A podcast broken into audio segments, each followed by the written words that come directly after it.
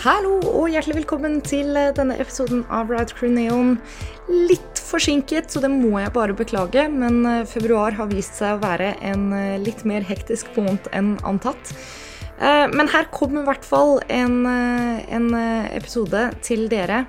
Det dette er, er rett og slett et opptak fra live podcast som vi hadde på Klepp bibliotek den eh, 8. februar. Eh, Jeg skulle egentlig være der, men eh, som jeg nevnte, så har februar eh, vist seg å være ganske intens. Så istedenfor så er det Jostein som stiller opp sammen med Janne Stigen Drangsholt for å snakke om karneval i popkulturen. Det opptaket er det som blir denne ukens episode. Så dere får kose dere med det. Og så kan jeg i hvert fall tease at eh, neste episode allerede er spilt inn.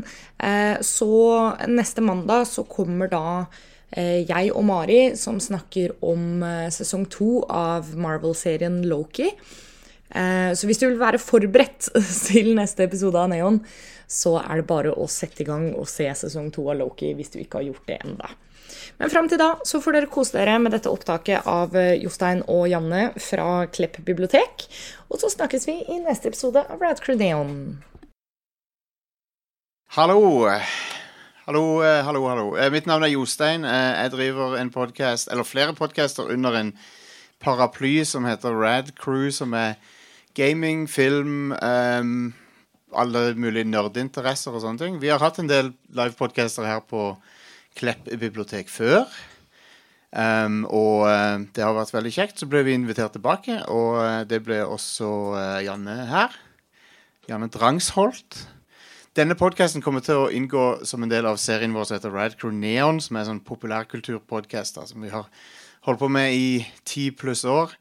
Um, gaming har vi hatt podcaster om i 11 og 12 år, noe sånt. 2011 begynte vi med det. Oi, shit, det er, 30, det er jo mer enn det. Det er jo 13 år, det.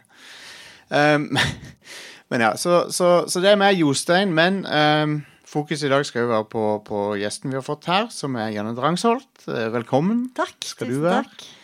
Så, ja. Yes. Bare la applausen sitte løst. OK? Bare klapp. Nå. det er alltid kjekt, det, når vi er live. Um, så ja, Litt sånn Abelstårn. Der klapper de alltid mye. stemmer det. Men du driver litt med podkast òg, gjør du ikke det? Jo, Har hørt rykter om det. Mm. Ja. Hva syns du om det formatet? Eh, jeg, eh, jeg liker godt eh, podkast. Jeg syns det er jo eh, eh, Jeg har vært med i litt forskjellige eh, podkaster, og det er jo eh, Det er jo en ganske sånn eh, Før så var det jo mer sånn med podkast at du kunne være litt mer sånn uh, løssluppen, kanskje. At det var liksom et sånn et format som på en måte tillot mer enn radio. Ja. Uh, at du kunne liksom tillate deg sjøl å gå kanskje litt lenger, uh, og ikke være så seriøs.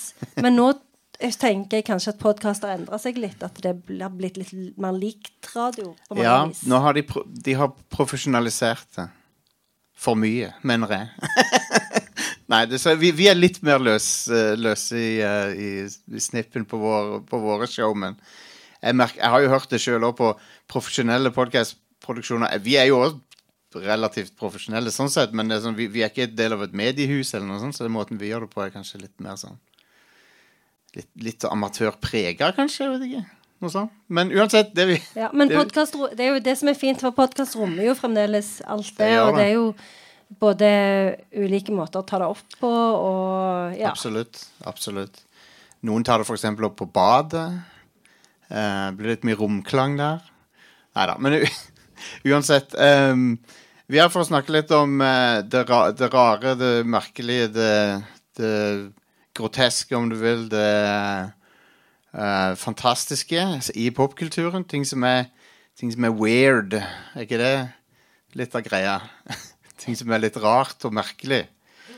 Og så, og så satt jeg og tenkte litt på Det har jo Opp gjennom historien så har det vært litt sånn strømninger i film der Der um, Der de tingene har blitt populære, og så har det vært enkelte filmskapere som har, som har uh, gått ganske dypt ned i den typen uh, materie, da. Så jeg vet ikke, du Hvis du, hvis du tenker på film og, og den, den typen tematikk, hva er det du tenker på da?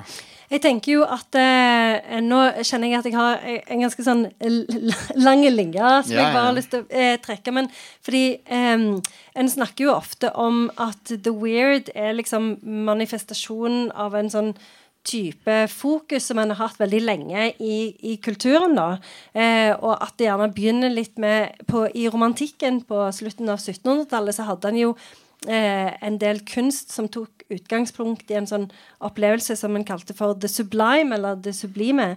Og det er jo en sånn en Eh, ofte i billedkunsten så blir jo det presentert som eh, gjerne et eh, møte med naturen, da. Hvor du har liksom eh, en slags sånn eh, vulkan på Island eh, som liksom spruter ut lava, og eh, eh, jord Altså bakken går i ett med himmelen, at du kan ikke se hva som er bakke og hva som er himmel. Og det er kanskje et par mennesker som er til stede i dette, eh, men de er liksom helt i hjørnet og veldig, veldig små. Sånn at det sublime er liksom en sånn en overveldende følelse hvor du på en måte opplever at grenser blir utviska, eh, og du opplever hvor liten du er i det, det store. Eh, og hvor du òg har vanskelig for å forstå det du ser foran deg. Sånn at du blir liksom en slags sånn at psyken blir utfordra. Eh, og det er jo noe som på 1800-tallet så gikk jo det over til det som Freud kaller the uncanny. Fordi at På 1800-tallet så ble det jo mye større fokus på menneskets psykologi. Så da ble det jo plutselig sånn at eh, en kaller the uncanny, eller det uhyggelige, som det heter på norsk, det er jo eh, noe som en kaller for det sekulære sublime. Fordi en mister liksom Det sublime er jo nesten sånn at du, det er en, nesten en guddommelig opplevelse. Mens det uhyggelige det er bare noe som foregår inni sinnet ditt. Og det er gjerne opplevelser hvor du som gjerne er liksom preget av, av gjenkjennelse, samtidig som noe er veldig fremmed. F.eks. hvis du ser på ei dorke som ser veldig sånn ut som den, den lever. Sånn som Margaret Thatcher på Madame Tussauds, f.eks. Ja. så, så, så blir det en sånn en Du blir konfrontert med på en måte noe du skjønner, men òg noe du ikke skjønner. Sånn at det, eh, alle de der psykologiske prosessene inni, inni deg, de, de stopper litt opp, og du sliter litt med å sette ord på det som du har foran deg, da. Eh, og det kan jo både være bra, og det kan være dårlig. Freud sier jo at hvis du klarer liksom å Hvis du klarer å, å prosessere det emosjonelt, så, så eh, kan det hjelpe deg å vokse som menneske. Eh, hvis du ikke klarer det, så går du inn i en psykose. Så det, det kan du velge. Eh, og det, ja, han nevner jo òg déjà vu-opplevelser er jo òg en sånn typisk opplevelse som er eh, uhyggelig, da. Og så er det jo en som heter Mark Fisher, som sier at det, eh, i vår tid så er det the weird, sånn som du sier, som har tatt over eh, for the uncanny. Og the weird er òg en slags sånn psykologisk opplevelse, eller det er en psykologisk opplevelse, men, men det er kanskje mer knytta til eh, den der eh, manglende grensesettingen, på en måte, som gjerne vi er, er litt opptatt av i dag. Og kanskje òg litt den der følelsen av uvirkelighet.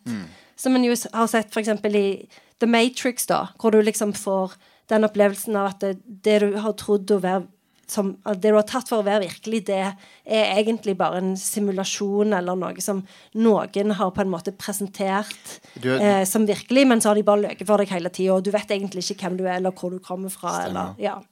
Så, så, så dette eh, Nå husker jeg ikke hva som var spørsmålet. Nei, men det går fint. Vet- Men, eh, Det går bra. ja, men, men, eh, men ja, det er jo eh, Altså, det tenker jeg eh, The weird, eh, kanskje mer enn det sublime, er jo et sånn uttrykk for en slags følelse av manglende kontroll, da.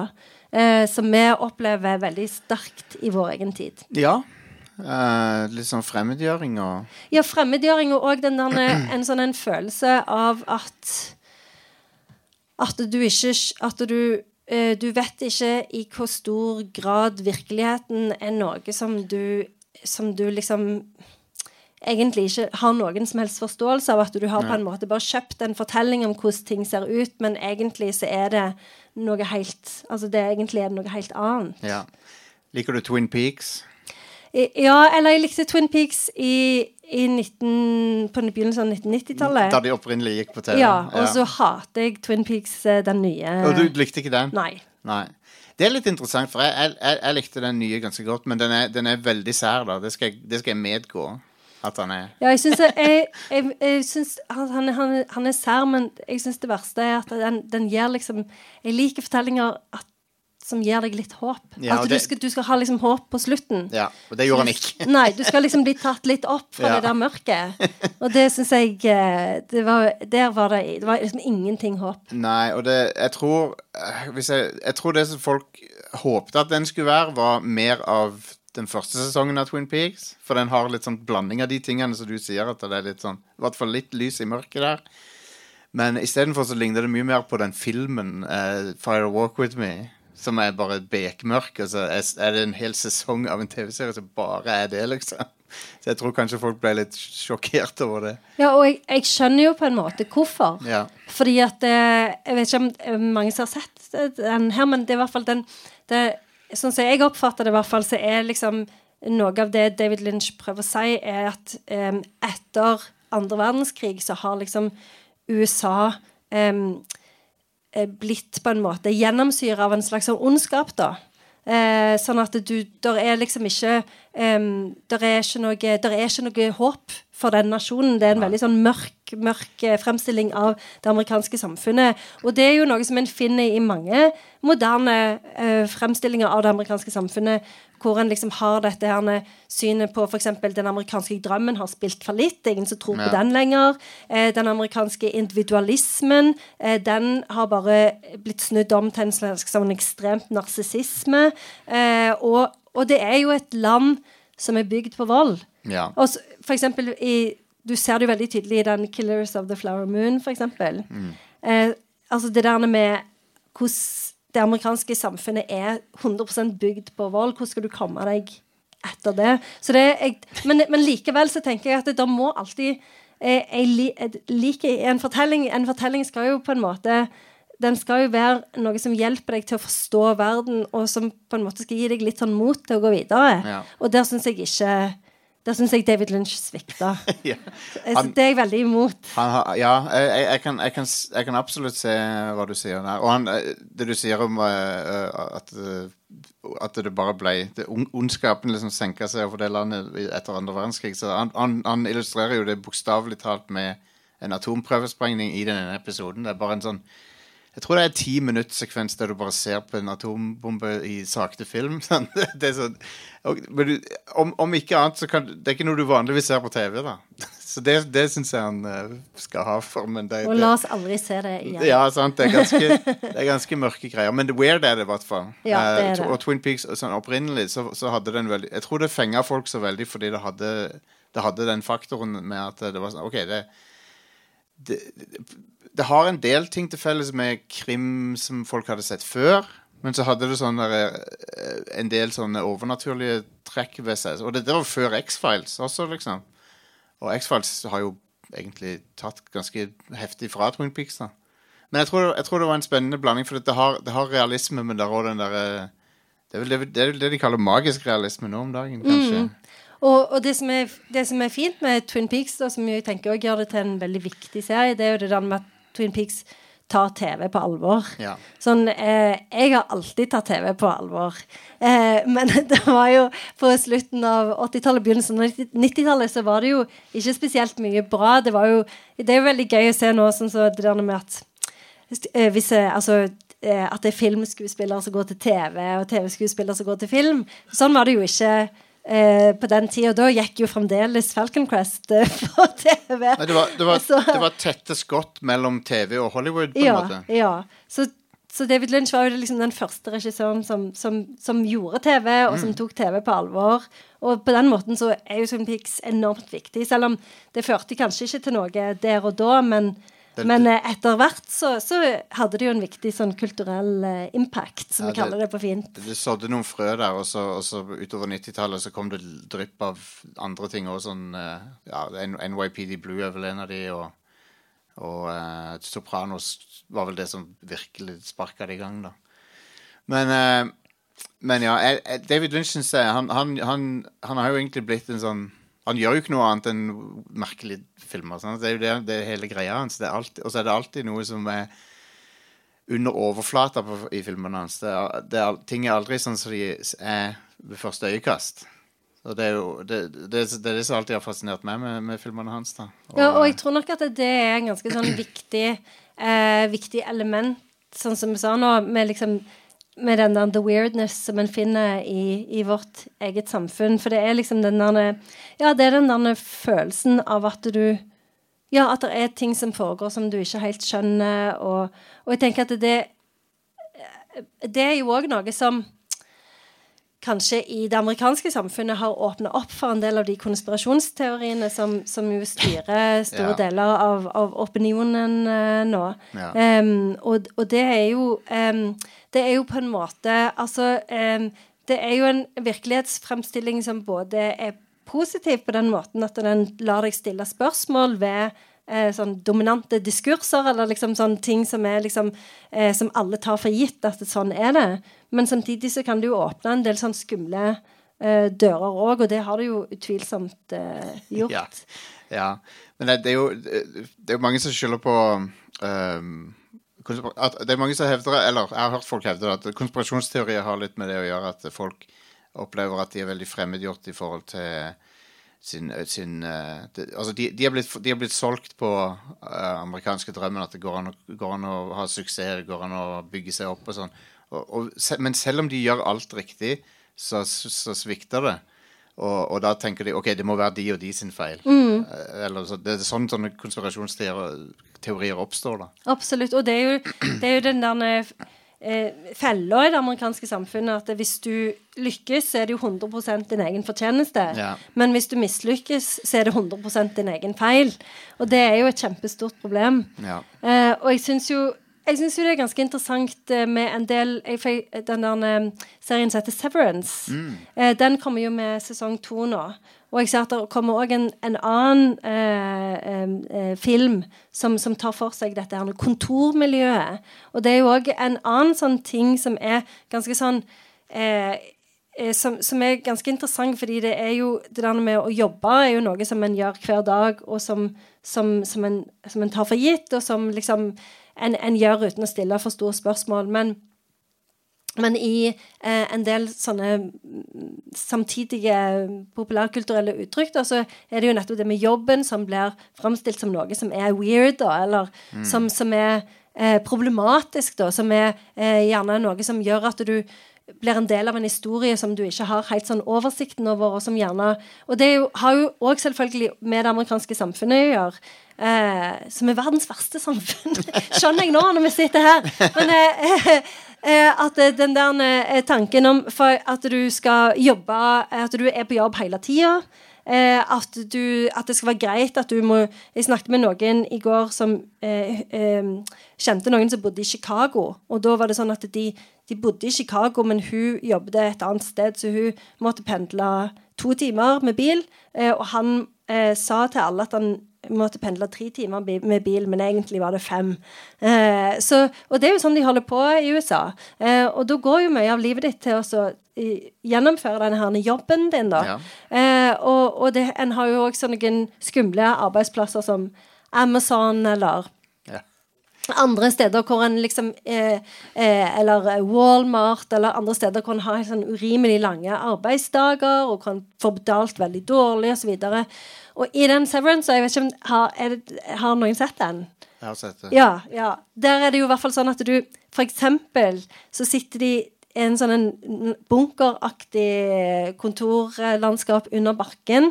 Eh, og de gjør arbeidsoppgaver som de ikke vet helt De vet, aner ikke hva, hvorfor de gjør det. Så det er sånn Du har en datamaskin, og så skal du dra Du skal føle liksom hva du skal dra ned i en sånn boks. Og du vet ikke helt Du vet ikke hvorfor. Altså du vet, aner ikke, men de stiller, stiller ingen spørsmål ved det. Men det verste er jo at du eh, gjennomgår en sånn en, eh, operasjon da, som gjør at når du er på jobb, så husker du Altså du deler hjernen i to. Sånn at den delen av deg som er på jobb, den husker bare å være på jobb. Og den delen av deg som har fri, husker bare å være fri. Og det er jo golden for den som har fri. Ja, ja, ja. Men for den som er på jobb, så er det jo et helvete. Det er sånn du våkner eh, hvert øyeblikk liksom i eh, heisen, da. Men jeg, jeg, jeg, jeg tenkte litt at det er sånn det, det minner litt om eh, klassisk dystopisk science fiction, bare at det handler istedenfor handle om en stat som, sånn, som, som har kontroll, så er det en, sånn, en corporation eller en privat jobb du går til, og så er det Så, men det er samme typen kontroll som blir utøvd, da. Det er nettopp det, og, og det syns jeg òg er veldig interessant med den der, det der weirdness-elementet, for det er noe som vi alle opplever. Og det er jo òg et element ved dystopien som har endra seg. For før var det jo at dystopien var plassert i en eller annen framtid Ja. hvor de hadde rullende fortau, som jeg ikke vet hvorfor vi ikke fremdeles har klart å lage. Eh, og, men nå er det jo i Severance er det jo sånn fem minutter inn i framtida.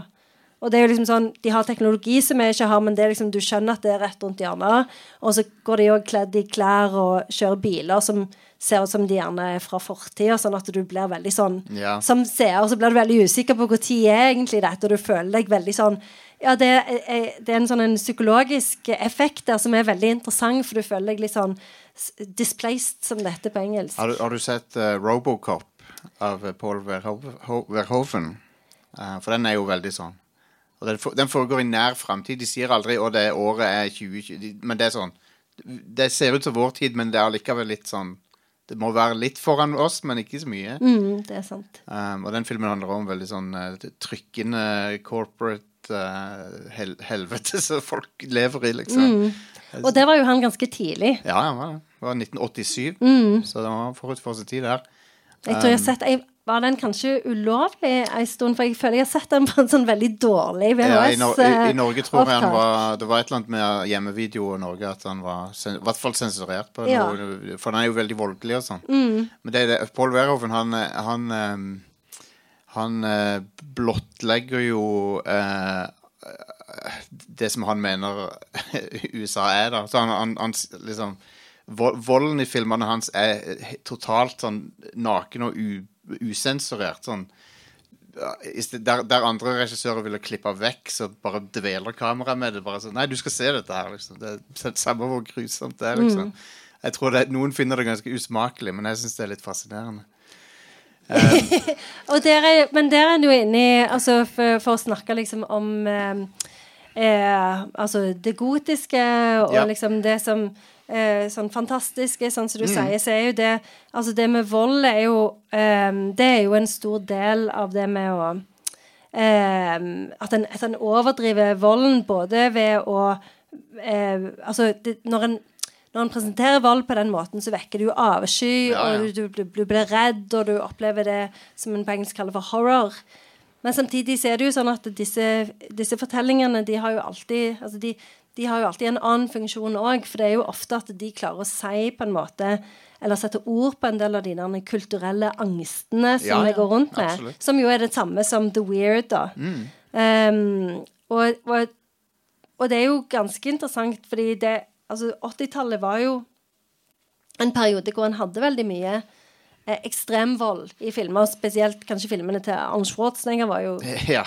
Predator er jo en annen film som vi i Sandnes satt og så på VHS fra sånn eh, Folk som hadde sendt hjem fra Libanon, var jo ofte eh, et sånn hotspot for eh, for, for eh, piratkopier. Og, Ja. og selvfø- selvfølgelig Rambo-filmene. Ja, som, be som begynner ganske antiautoritært, og så ender de opp med å bli de, liksom Rambo er, Første Rambo er jo litt sånn antikrigsfilm, og så ender de opp med å bli sånn pro Sånn skikkelig Reagan eh, pro-Reagan-actionfilmer. Så det er ganske sånn interessant utvikling de filmene har. Ja, det er det. Og, de er jo, og det, er ganske, det er jo ganske interessant, fordi eh, på en måte så kan du jo si at de filmene eh, representerer jo kanskje bare sånne pro-republikanske Ja. verdier, fordi at du har én sterke mann Ja. som på en måte redder eh, hele verden og liksom stå mot alle idiotene. Og Ja. eh, disse actionheltene som gjerne kom seinere òg, som Bruce Willis og Ja. og, og alle de. Eh, Så, så det, på en måte så er det jo kanskje ikke noe sånn radikalt med de filmene, men samtidig så er det jo kanskje òg litt sånn at de altså Særlig Rambo-filmene de er jo filmer som, som setter fokus på dette her med hvordan eh, Amerika hadde svikta ja, ja. eh, Vietnam-veteranene. og-. Ja. Eh, og, og gjerne tar òg opp en del av de krigene som USA hadde vært og var en del av, men som en gjerne hadde lagt lokk på. Lokk ja, ja. da. Og Vietnam var jo det, vi var ingen som ville snakke om lenger. Nei.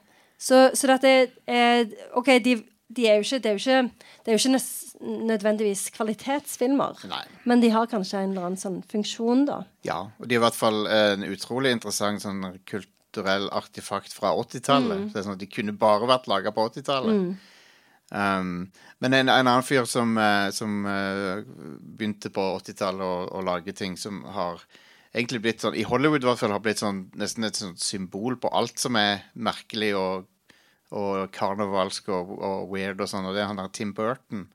Og, og noen vil kanskje si at eh, det, det, han tilnærmer seg det på en litt overfladisk måte av og til, for, det, for estetikken hans er så tydelig at du kan bare se fem sekunder av en Tim Burton-film, og så se å ja, det må være han, liksom. Men eh, jeg vet ikke hva du tenker om han som uh, filmskaper. Han er jo en veldig sånn typisk gotisk eh, filmskaper. Absolutt. Og hvis vi skal sette det gotiske i en sånn litt lang kontekst, så er jo det, det jo, henger jo veldig sterkt sammen med det sublime og de, det uhyggelige og the weird, sånn som vi har snakket om. Eh, og det, det gotiske er jo veldig interessant, fordi det er jo en sånn en type altså det, de, Blant de første romanene så finner en jo gotiske romaner. Og do, de hadde jo som funksjon å skremme folk. Eh, og derfor så var de jo ofte lagt til utlandet, særlig Tyskland, for der var det spesielt skummelt. Eh, eller Frankrike. Eh, og, og, og det var jo veldig mange som var imot eh, disse filmene, fordi var sånn, ja, men det er jo bare underholdning, og du sitter ikke igjen med noe eh, av verdi utenom at du blir redd. Liksom. Og så på grunn av at de skal skremme disse romanene, så skrur de det hele tida opp, sånn at folk skal bli mer og mer redde.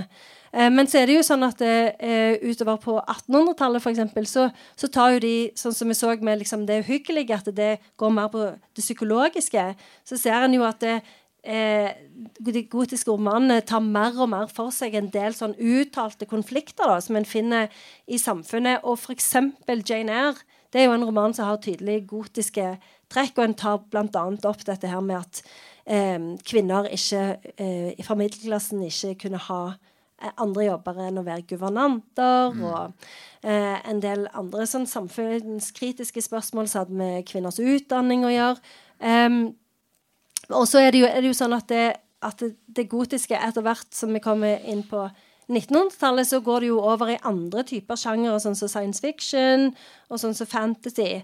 Eh, og så er det jo sånn at det, i vår tid så er det jo mye, mye mer sånn at det gotiske får sin manifestasjon på film. Og der er jo Tim Burton Han er jo en sånn klassisk gotisk eh, filmskaper Ja. som bruker liksom den der fargepaletten med sånn mørke farger.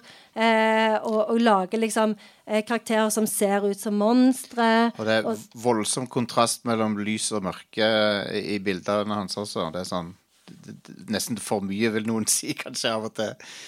Men, eh, men ja. Nei, unnskyld, du får Nei, nei, nei. nei så, så, han, eh, så han er jo eh, Og har veldig disse her er tydelige eh, Altså, du kan, du kan på en måte se hvem som er gode, og hvem som er onde, Ja. og et veldig sånn tydelig språk, da. Men denne, denne filmen Edward Scissorhands eh, Det er jo en slags sånn moderne Frankenstein-historie med en, en fyr som tilsynelatende er klipp, satt sammen av del, andre sine deler.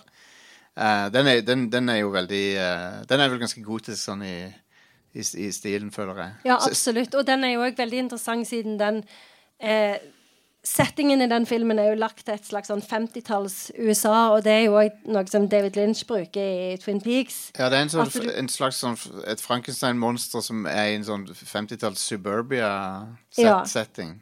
Og det er jo på en måte For amerikanerne så er jo det uskyldstida.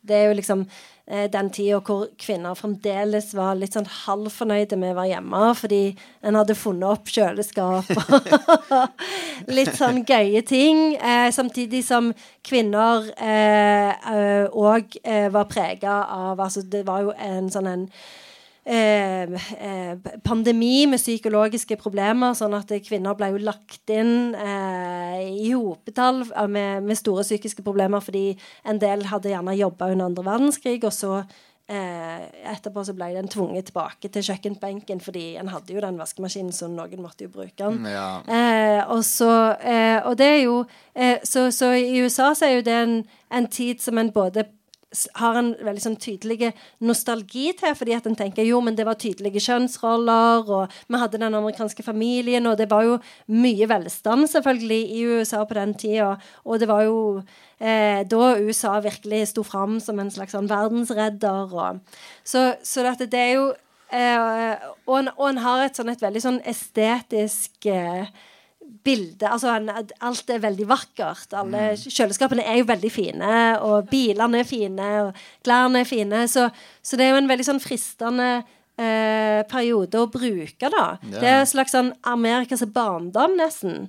Så hvis du setter noe sykt skummelt inni der, eller noe som skiller seg veldig ut fra det, Ja. så blir det jo veldig tydelig, og da kommer, settes i gang masse sånn følelsesmessige reaksjoner hos den som ser på. Og eh, jeg vet ikke om dere sett Er det lov å spoile Edward Sisterhands? Eh, Er det lov å avsløre hva som skjer? Det har gått såpass lang tid at det, det føler jeg må Han ender jo, han ender, jo, ender jo opp med å bli utstøtt fra det samfunnet. Da. Så han kan, han, kan, han kan ikke eksistere der. Det var bare så vidt han fikk lov å komme inn. For Ja, det var- så det, liksom, det var veldig sånn Det var veldig uklare grenser til å begynne med. Ja, men men- når du har liksom sakser for hender, så er det Det er ikke lett. Nei. Men det, det, de fant ut at han var, eller, han var god til å klippe hekker og sånn, og så lage skulpturer.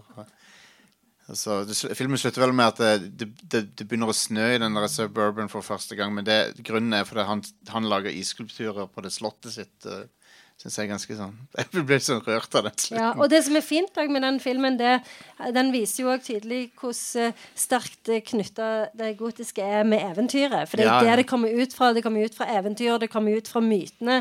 Så det kommer jo ut fra de historiene som vi til alle tider har brukt til å forklare og forstå virkeligheten og forstå oss sjøl. Ja. Og det er jo veldig fint. Når du, når du plasserer en sånn, sånn eventyr, eh, typisk eventyrhistorie inn i en moderne setting, så får du ganske interessante resultater. Um, og det er jo det har fått gjort på flere forskjellige måter. Men det, når, når det gjelder Tim Burton, da, det, det han, jeg tviler på at han visste det. Han gjorde garantert ikke det da han gjorde det, men han ga jo på en måte liv til hele den superheltsjangeren som, som har dominert eh, i hvert fall Altså, han, han lagde jo Batman i 1989, sant? Og så har det jo vært en, noen filmer, filmer liksom mellom På 90-tallet var det jo noen superheltfilmer, men han eh, Han var den første Altså, du, du hadde en Supermann-film før det òg, men han, han var den første som lagde en sånn kjempesuperheltfilm som, som virkelig tok av. da Og så gjorde han det med den gotiske stilen sin òg. Så, eh, så han var ganske toneangivende for, eh, for den sjangeren òg. Og eh, Batman er jo en veldig sånn gotisk figur uansett. Ja, er jeg vil liksom- påstå det. Ja. Han er jo bokstavelig talt en sånn gargoyle-skikkelse som sitter oppå, oppå bygningene. Bare at det er sånn ur urbane skyskrapere og sånn, men han er akkurat som en sånn en stein-gargoyle. Og så er det jo veldig interessant, for han er jo han har jo egentlig ikke noen sånn superkrefter. Nei. Så det er jo teknologi som gjør at han kan redde verden. Han er bare en gæren fyr med for mye penger. Ja. Så, så, så, så det òg er jo litt sånn fascinerende at du Altså det òg er jo veldig sånn i tråd med, med den amerikanske drømmen. Eh, at kanskje, kanskje kan liksom Elon Musk redde oss alle sammen. Ja, det er mange, det er mange som har tro på det nå om dagen. ja. Han er ikke, han er ikke avslørt som en total tulling eller noe sånt, så Men eh, eh, du nevnte The Matrix tidligere. Det, en, den, den, det var en film som traff uh, et eller annet i, i, i tidsånden noe helt voldsomt i 1999. Hva tror du var greia, liksom?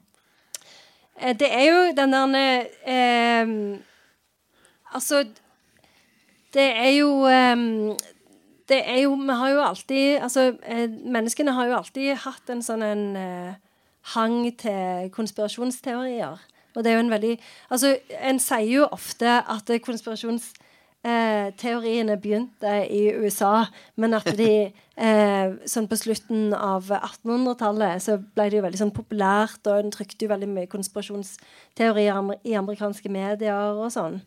Og så var det jo, eh, fikk det jo liksom litt sånn oppsving igjen etter at JFK ble drept, fordi da var det jo mye å snakke om eh, for mange. Ja. Eh, og det, av at det var et sånn nasjonalt traume, så, så var jo det en, en fortelling som, som raskt fikk eh, Fikk eh, vind i seilene, da. Eh, og så hadde du jo selvfølgelig månelandingen. eh, som jo òg helt fra begynnelsen ble, ble assosiert med en sånn konspirasjonsfortelling. Ja, ja. Stanley Kubrick som gjorde alt sammen, har, Ja. har jeg hørt. At Ja. Og, eh, og, og så er det jo selvfølgelig 9-11 som kom senere, da. Eh, men det var uunngåelig. Men det Så, så i, i USA så har han jo alltid vært veldig opptatt av konspirasjonsfortellinger. Eh, og den der tanken om at det er noen som dekker over noe, har stått veldig sterkt. Eh, og mye mer enn i resten av verden.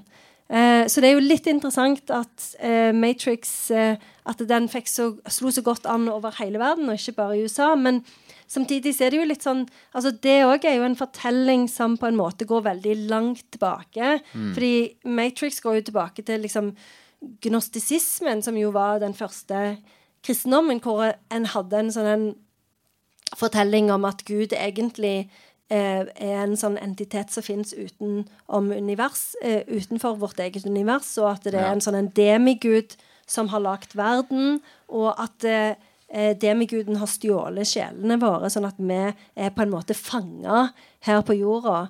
Og at Jesus Kristus var en sånn en, et slags sendebud da, som kom hit for å, for å opplyse oss og for å til å forstå at vi var fanger, og for å sette oss fri.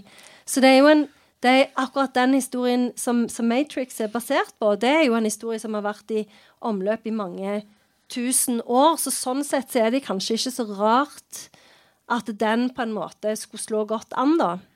Eh, så jeg tenker at det er en, en blanding av eh, Men så er det jo òg timing, selvfølgelig. At det kanskje var et godt tidspunkt Ja. for å selge en sånn en Og- fortelling. For jeg tror, ikke, jeg tror ikke den hadde ikke gjort det like bra i dag. Nei, han hadde ikke det. Men det, den, han hadde en frisk innpakning. Sant? Det var eh, eh, kanskje en gammel historie, men han hadde, han hadde alle de der, eh, internett og datamaskiner og sånn pakka inn. sant? Um, jeg tror det var veldig mye Fram til da så var det veldig mye optimisme rundt internett og teknologi og sånn, men jeg tror Matrix var sånn derre Hva hvis alt det var ikke så bra? Hvis de tingene var egentlig ganske dårlige, de, den teknologien og sånn, den har gjort oss til slaver, liksom. Så jeg tror det var ganske folk ble ganske fengsla av det. Og, så det. og så er det jo alltid fascinerende når, når det er sånn filmer som har Karakterene først, så ser de all, Alle er enige om at det, det, virkelighetsplanet er det det er. Folk, alle er enige om felles virkelighet. Sant? Så plutselig får du vite at det, det er ikke virkeligheten i det hele tatt. Det er et lag oppå der igjen som er det egentlige. Så får liksom helten vite det, og så blir du med på den reisa. Det er ganske spennende. Ja, og, og det er jo òg en fortelling som vi, som vi liksom har vært med oss til alle tider. For det jo, kan jo bare gå tilbake til Platon sin Hulelsen. Ja, ja, ja, eh, han som ser sola, det er jo ingen som liker han. han all, de tar jo livet av han. Så, så det er jo liksom den der Og, og den der eh, Ja, den der mistanken om at virkeligheten egentlig er et annet sted. Og det er jo òg noe Altså, det kan en òg si preger kristentroen. fordi at det, når, som kristen så har du jo en visjon om himmelen. Eh, og det er jo òg en slags sånn inndeling, da. Ja. Eh, hvor du har denne verden som vi er i nå, og så har du den verden som vi alle skal, skal innta når vi, eh, når vi er i etterlivet, da. Så, så jeg tenker at, den, at Matrix det er liksom det spiller på en del sånn både mytiske forestillinger og religiøse forestillinger og kulturelle forestillinger som har ligget der lenge, og så klarer de å lage en god historie ut av det. Og det er well done, uh, Matrix-folk. Det er jo alltid viktig med et godt plott i tillegg. Det er er jo- liksom, Ting gjør ikke seg sjøl. Det er jo uh, uh, nyere tolkninger av filmen som ikke, ikke, ikke ny i den forstand at altså regissøren, Fra regissørenes side, um, de er to søstre, fra deres side så var det tiltenkt hele, hele tida. Men eh, det er en del sånn eh, eh, tematikk om, om transpersoner og sånn i filmen som, som bare gikk helt over hodet på folk i 1999. Men nå er det, hvis du ser han igjen nå, så er han så er det så åpenlyst. Um, du, du har til og med en sånn um, En androgyn karakter i filmen som heter Switch. Som er, som er liksom Som ser ut som hun vedkommende kunne vært begge kjønn. sant? Så det er ganske sånn Hvorfor så jeg ikke det når jeg så han i 90 så, Altså, det var en annen tid, men, Ja, men det er interessant å se han igjen. Ja, og det er jo veldig interessant at en ser jo det som en på en måte er opptatt av der og da. Ja, ja. ja. Men, eh, men det, det er en fascinerende film. Den, den burde nesten ikke eksistere. Sånn der, når Hollywood produserer sånne ting, så er det sånn Hvordan ble dette produsert i det systemet?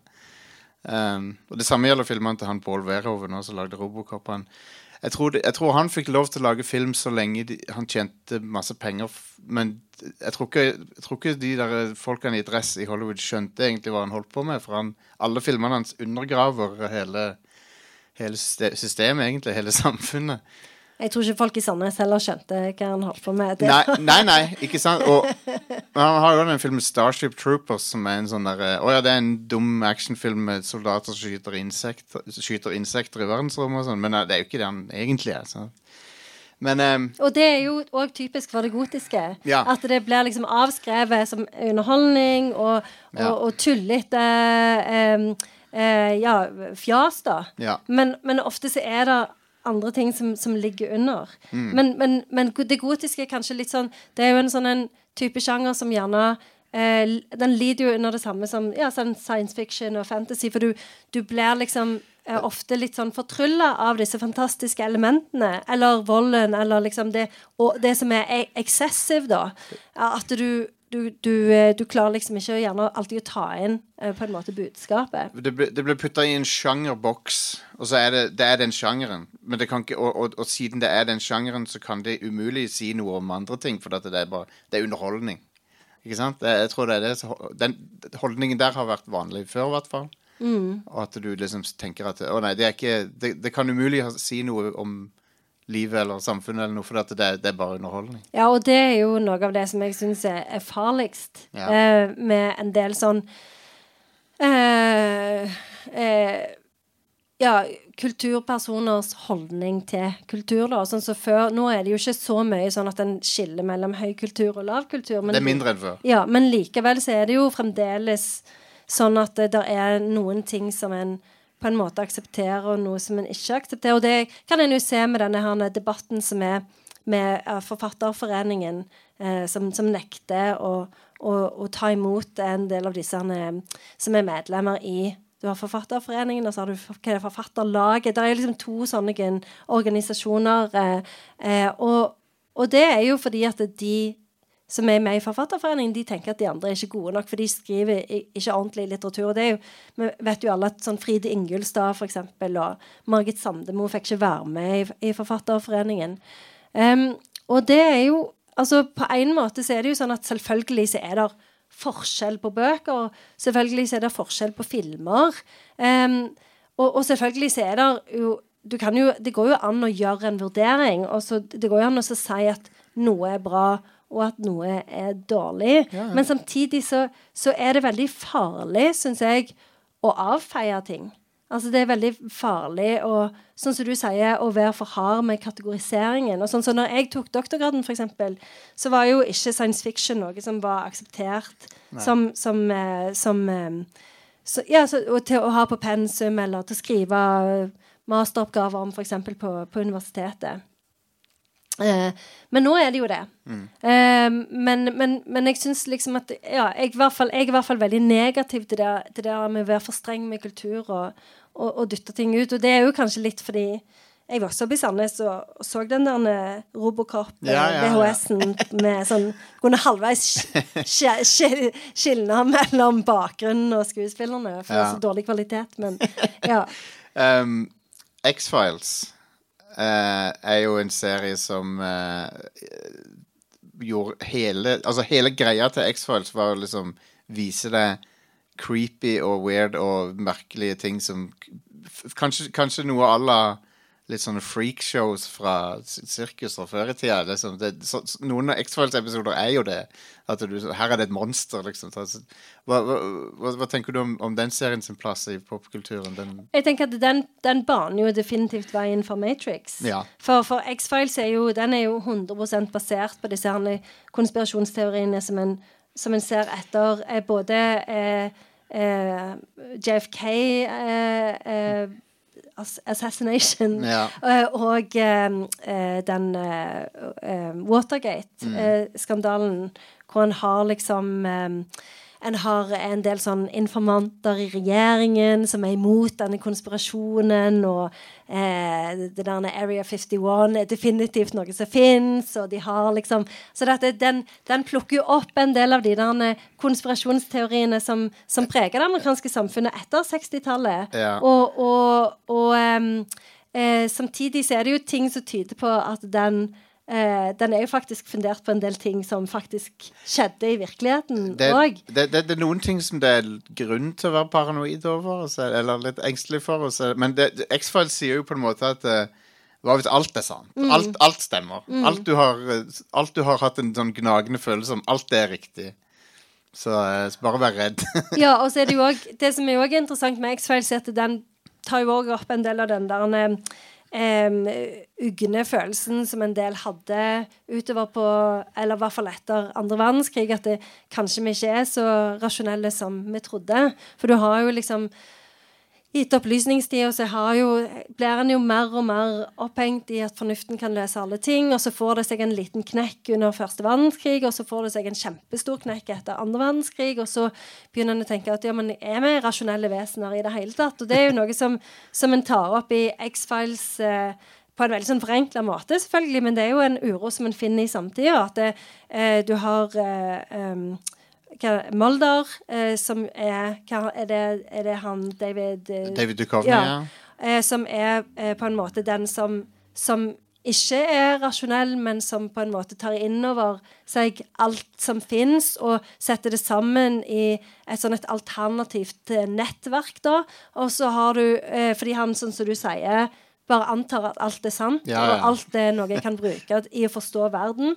Og så har du Scully, som er gjennomført rasjonell og empirisk, og som på en måte skylder hele sin kunnskapsbase til naturvitenskapen. Og det er jo en ekstremt interessant balanse, fordi at vi har jo en tendens til å eh, eh, omfavne naturvitenskapen som det som er det redskapet som først og fremst kan hjelpe oss til å forstå verden, og som kanskje også kan redde oss når alt kommer til alt. I hvert fall løse klimakrisen. Så, så, um, så, så det òg tror jeg er, noe som er viktig med den serien. Altså, selvfølgelig ikke på et sånn et ekstremt sånn gjennomført, eh, dypt nivå, men, men, men likevel som noe som tar opp en del sånne konflikter og, og u, en uro da, som en finner Ja, i sin egen samtid. Traff en nerve eh, på 90-tallet, i hvert fall. Og de har de har prøvd å hente tilbake Mølder og Scully, men det har aldri, det har aldri truffet. De gangene, de gangene etter 2000 der de har prøvd det, så har det aldri liksom Det, er ikke, det er et eller annet som ikke har funka. Nei, det, det er jo vanskelig å Ja. ta ting opp igjen. Det er det. Selv om det har jo blitt stor business, det å prøve å, å hente fram ting igjen fra, fra 70- og 80-tallet. Det virker som 80-tallet lever med oss ennå. I hvert fall i film. det er sånn Alt fra 80-tallet hentes fram igjen. Ghostbusters er tilbake igjen. Visste dere det? Bare at kvinner har litt eh, flere replikker eh, Ja. enn de hadde på Hva 80-tallet. hvis vi lagde de samme filmene på nytt, bare at nå kan damer snakke? Ja, og så trenger ikke Kvinner trenger ikke å kle av seg eh, på overkroppen helt sånn umotivert. Og Nei, ikke, heller- sånn, ikke sånn uten videre. Nei, så det er jo noen ting som, som vi ikke trenger å ta opp. Ja. Nei, men det ehm, Nei, X-Files fascinerte meg i hvert fall veldig meg på, på, på 90-tallet, når, når jeg var tenåring. Og sånn, og det var litt sånn Litt forbudt, på en måte. Det var, det var sikkert derfor det var ekstra spennende. Men, uh, men det er jo uh, Det er sånn begrep så vi, vi, vi begynner å sikkert nærme oss slutten. Men jeg vil inn på det der begrepet magisk realisme. For det, det, det, jeg vil gjerne høre din definisjon på hva det er for noe. For jeg, jeg hører folk snakke om det stadig vekk, og så, så hører jeg litt sånn forskjellige eh, definisjoner på det. Eh, Så jeg bare lurer på hva, hvordan er det du vil Magisk realisme er vel eh, en, et sånt begrep som først og fremst ble brukt om en del litteratur fra Sør-Amerika på sånn ja, 80-90-tallet. Sånn Isabella Jende Allende og Gabriel Garcia Marquez og eh, Og det er jo en sånn en type mm, eh, litteratur, da, hvis, hvis det er snakk om litteratur, eh, så hvor en har et sånn et gjennomført realistisk narrativ, men så har en en del sånn overnaturlige elementer. Sånn som i 100 års ensomhet, for eksempel, hvor du plutselig har et barn som blir født med grisehale. Altså, all, det er ting som det er ting som skjer, og det, du kjenner deg igjen, og dette er vår verden. Men plutselig så kommer det inn et land som overskrider det. Eh, og det er jo fra det gotiske, det er denne eksessen som en finner i det gotiske, som plutselig på en måte kommer inn i det realistiske, da. Det er jo liksom sånn så En veldig sånn pop popversjon av det er han der M. Night Shyamalan sine filmer, der det alltid er sånn eh, helt clean, realistisk setting. Det er egentlig ikke noe rart med det, bortsett fra den ene tingen som, som skjer som er utrolig merkelig. Sant? Stemmer det. Det er det. Og, og, og det var òg ganske sånn Altså, En ser jo elementer av det fordi sånn så i, På 1800-tallet i England så sier en jo at det var den realistiske romanen som var på en måte hovedsjangeren, med liksom Dickens og George Eliot og um, Ja, egentlig òg Charlotte Bronte og sånn, men så har en liksom Fordi det gotiske sto, var en sånn veldig sånn sterk tradisjon som lå på en måte under, så har han en del sånn En vil ikke kalle det magisk realisme, for det er jo ikke et begrep som en bruker om den typen litteratur, men det er litt det samme. At det er ting som nesten er overnaturlige, som plutselig dukker opp i, uh, i disse fortellingene, da. Uh, men, men jeg tror nok den søramerikanske litteraturen er liksom den som en Det var da liksom det begrepet virkelig på en måte slo rot, da. Det begrepet har også fått eh, bein å gå på i dataspill eh, i nyere tid. For at det lages en del sånne narrativt fokuserte dataspill med, der eh, det å fortelle historien er liksom hovedpoenget i dataspill. Og der, og der er det mange spill som har blitt kalt magisk realisme i det siste. som har kommet. Så det er litt fascinerende. Det spre, Ja. sprer seg i andre medier.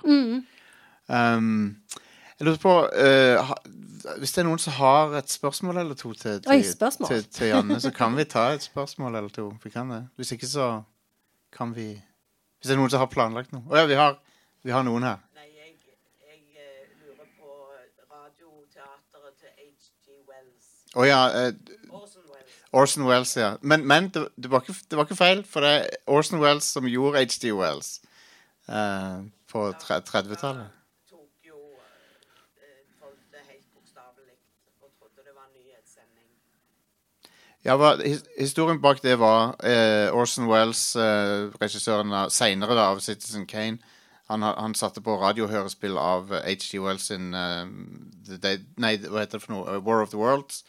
Som gjorde at folk som hørte på radio, de trodde at det var en rominvasjon på ordentlig. var det ikke det? Som var greia. Og det viser jo hvor viktig det er med sånn leserkontrakt. For du må jo vite hva sjanger du, du er, holder på å lese. Eh, så, så, så du kan liksom ikke Ja, der, der har jo alle et ansvar, tenker jeg. Men, han, men, men Orson Welles fra, for, for sin tid så hadde han en veldig realistisk måte å fortelle historier på. Og det Citizen Kane er jo oppkjent for det. At Sammenligna med alt annet på den tida, så er det jo veldig realistisk. Så det var sikkert det som gjorde at folk ble lurt. For han, det var en dokumentarisk presentasjon av en rom, rominvasjon, så da folk fikk, fikk jo panikk, liksom. Trodde det var ekte. um, alle de radiotingene til Orson Wells er gratis på YouTube. Det, det, det, er fullstendig i sånn offentlig eie, så det er bare å sjekke det ut. Alle hørespillene han lagde på 30-tallet og sånn. Jeg anbefaler å sjekke det ut. Det er veldig mye kult der. Um, og alle er sponsa av Campbell Soups. Så de sier Det er alltid reklame for Campbell Soup på begynnelsen av de. Uh, nei, men Janne, tusen takk for at du, du ble med her i dag. Tusen takk. Veldig kjekt. Du, vet, vi, vi har uh, toucha innom en hel haug med ting her. så det var gøy. Jeg syns det var kjempegøy. Så, uh, så tusen takk til deg.